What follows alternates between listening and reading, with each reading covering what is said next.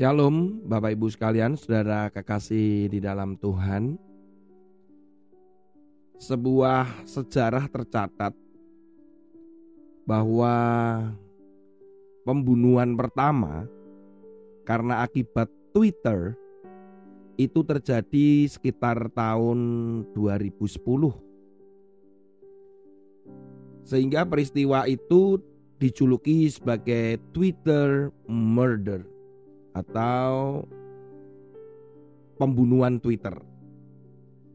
Kisah ini diawali dengan sebuah percekcokan melalui Twitter dari dua orang, yaitu dari Kwame Densi dengan temannya yang bernama James Blake.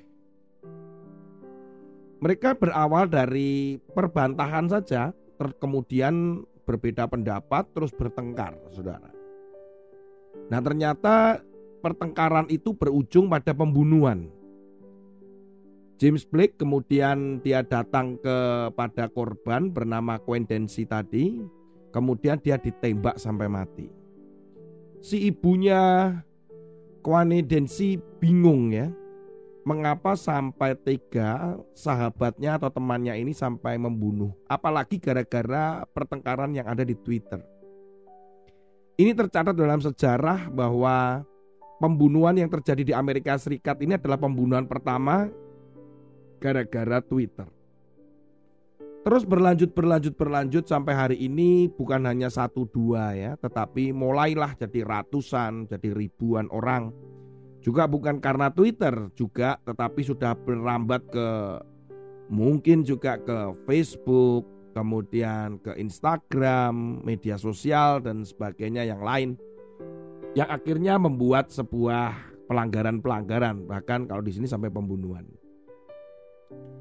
Saudara, bahkan caci maki pun ketika ada di story kemudian muncul sedang membenci yang satu, sedang mengalami yang lain dan seterusnya di story, kemudian ditanggapi, nah bisa jadi akhirnya jadi pelanggaran. Firman Tuhan hari ini sebenarnya berbicara tentang hal itu ya saudara. Amsal pasal 17 ayat yang ke-19. Siapa suka bertengkar, suka juga kepada pelanggaran. Siapa memewahkan pintunya mencari kehancuran. Jadi ternyata pertengkaran dan pelanggaran itu adalah hal yang tidak lepas ya sering terkait. Orang kalau sudah bertengkar kondisinya sudah marah biasanya logikanya itu sudah berkurang. Kesadarannya juga berkurang. Tidak jarang akhirnya terjadi pelanggaran. Saudara kisah seorang atlet golf Tiger Woods bertahun-tahun yang lalu sempat menghebohkan dunia olahraga, termasuk di dunia saat itu.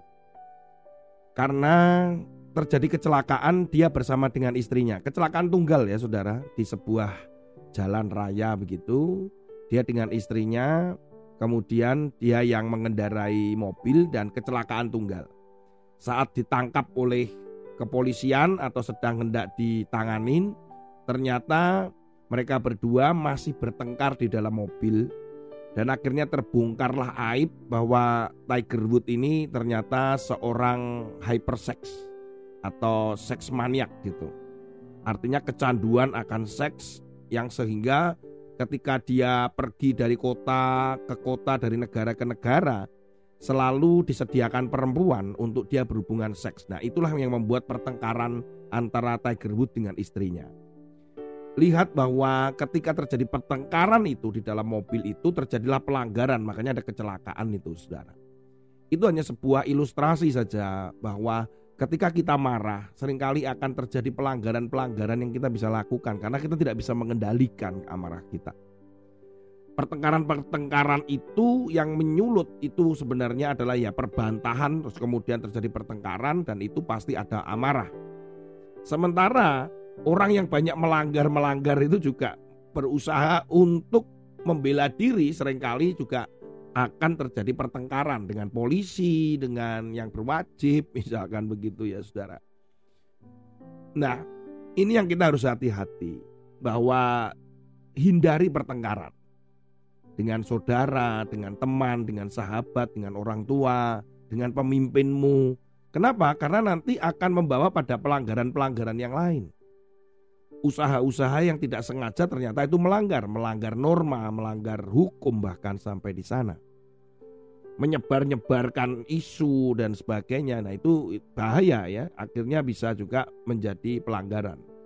Ayat berikutnya dikatakan bahwa siapa memewahkan pintunya mencari kehancuran. Artinya ini berbicara kesombongan. Orang yang sombong itu akan hancur. Beberapa waktu lalu saya uh, melihat sebuah klip di YouTube tentang sebuah rumah yang sangat besar sekali ya, Saudara katanya 23 hektar atau berapa woi besar itu udah kayak istana udah.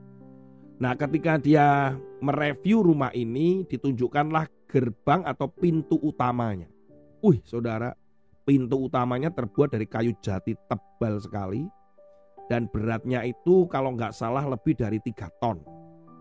Kalau nggak salah 6 ton atau berapa begitu saudara ya. Saya nggak tahu pasti tapi itu berton-ton gitulah. Sehingga di pintu ini nggak ada engsel.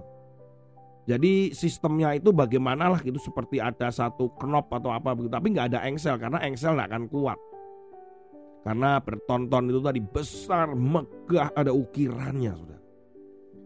Kalau di dalam Amsal ini dikatakan bahwa pintu yang besar, yang megah, yang indah itu adalah gambaran dari kesombongan. Jadi kesombongan itu akan berakibat pada kehancuran bahwa orang yang sombong itu sedang mencari kehancuran buat dirinya, buat keluarganya, buat usahanya, buat pekerjaannya. Makanya jangan sombong. Jadi dua hal kita belajar hari ini ya. Hindari pertengkaran karena di situ pasti akan ada banyak pelanggaran atau kita akan melanggar. Yang kedua jangan sombong karena dalam kesombongan itu ujungnya adalah kehancuran. Tuhan Yesus memberkati saudara, mari kita hidup sesuai dengan kehendak Tuhan dan menyenangkan hati Tuhan selalu. Amin. Engkau gembala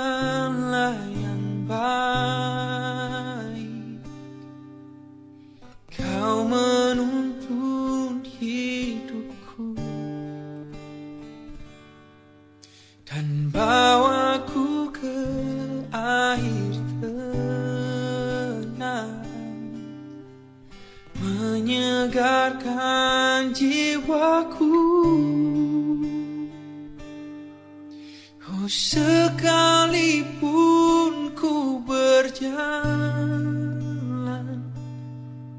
Dalam lembah kekelaman.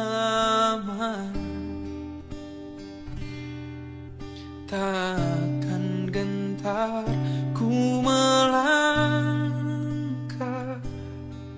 Sebab engkau beserta